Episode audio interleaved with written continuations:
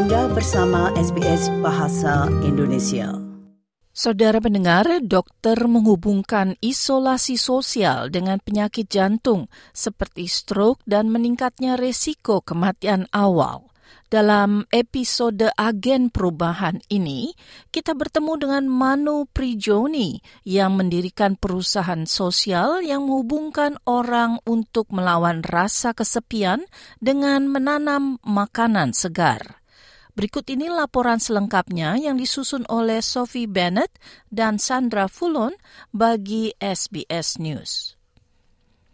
Di daerah Blue Mountains, 90 menit dari Sydney, sebuah kelompok beristirahat dari kegiatannya merawat kebun sayuran. Pada musim panas, ketimun, tomat, kacang-kacangan, dan tanaman sayuran lainnya ditanam. Sedangkan pada musim dingin yang ditanam antara lain bunga kol, kale, lobak, dan kacang polong yang dilakukan oleh para sukarelawan. Manu Prigioni adalah pemimpin kelompok ini. Socially connected growing is a type of food growing that doesn't involve uh, just one person doing the entirety of the work of market gardening. So we have volunteer sessions every week on a different plot of ours, and anyone from the community can come and help us in our plot, on one of our plots, and we find that people, the people who come, are of vastly different ages and cultural backgrounds and genders, and you know, and it's just a brilliant way to connect people socially around food growing. Manu memulai proyek ini yang dinamakan Pertanian untuk Kemajuan pada empat tahun yang lalu. Sejak saat itu, para sukarelawan menanam 26 ton sayur-sayuran meskipun sedang mengalami musim kering, kebakaran hutan, dan pandemi COVID-19. It's really about bringing vegetable growing back to our towns and cities and the suburban and peri-urban landscapes that we have.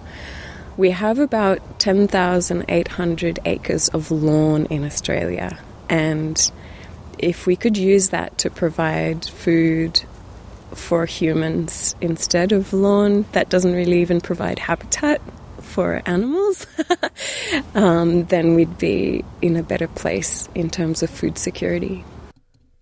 Para pemilik lahan yang menghadiahi sebagian lahannya untuk tanaman makanan terpilih karena mereka terancam isolasi sosial, termasuk keluarga yang mempunyai anak-anak kecil dan dewasa, juga warga lansia.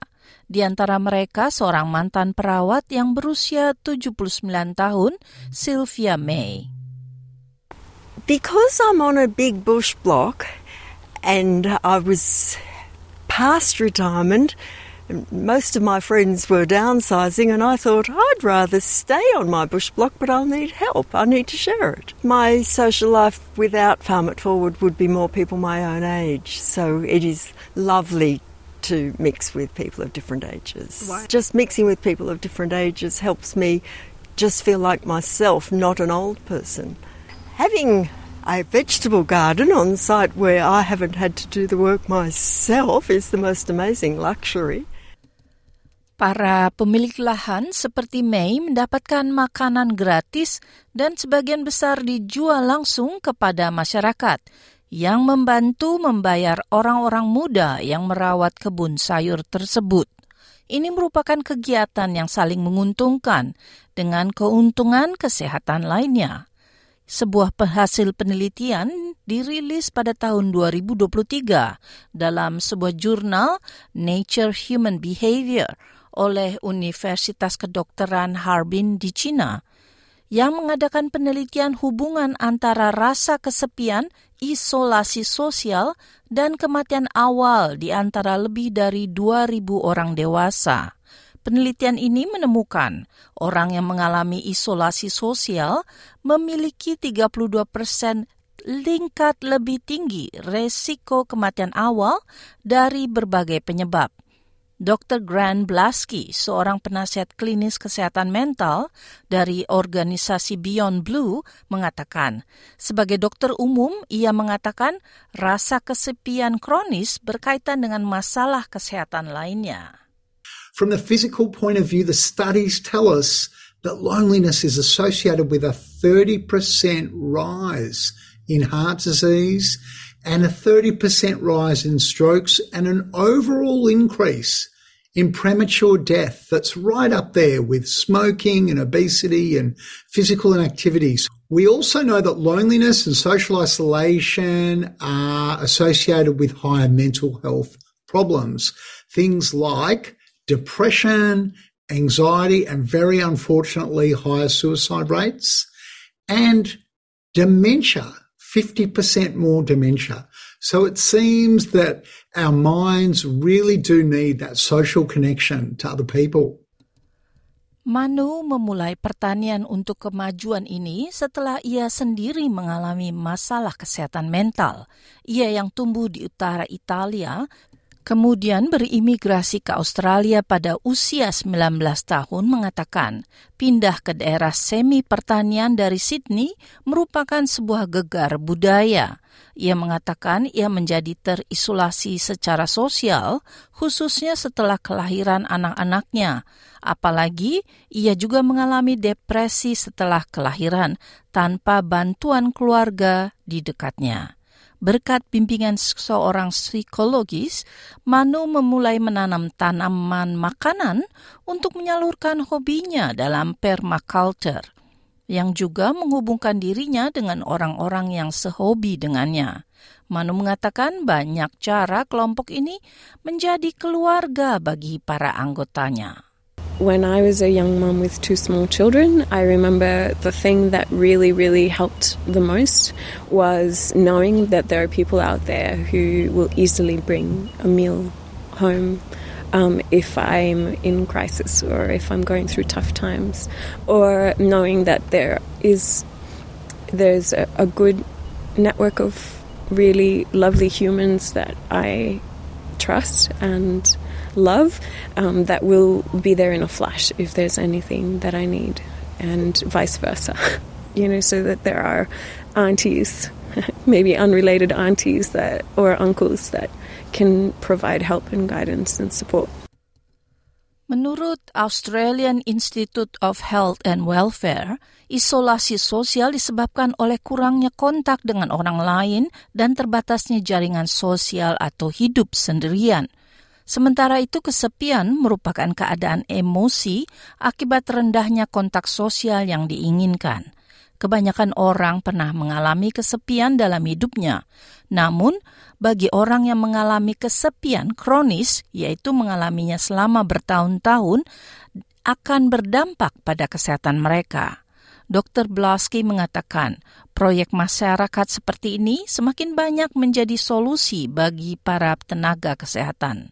Doctors are being encouraged to provide what are called social prescriptions or social prescribing, where actually I write it down on a piece of paper like a script and say, you know, it would be great for you to join this community group, or it would be great for you over the next couple of weeks to make a plan about friends that you're going to catch up with, or to volunteer or for some people, it might be it's a good idea to get a pet. So increasingly, I think the medical profession understand that re-engaging people with socializing can be a really important part of the management. Pengobatan sosial ini telah diadopsi ke dalam sistem kesehatan di negara-negara lain, Dr. Blasky mengatakan isolasi sosial meningkat pada masa kunci tara akibat pandemi COVID-19.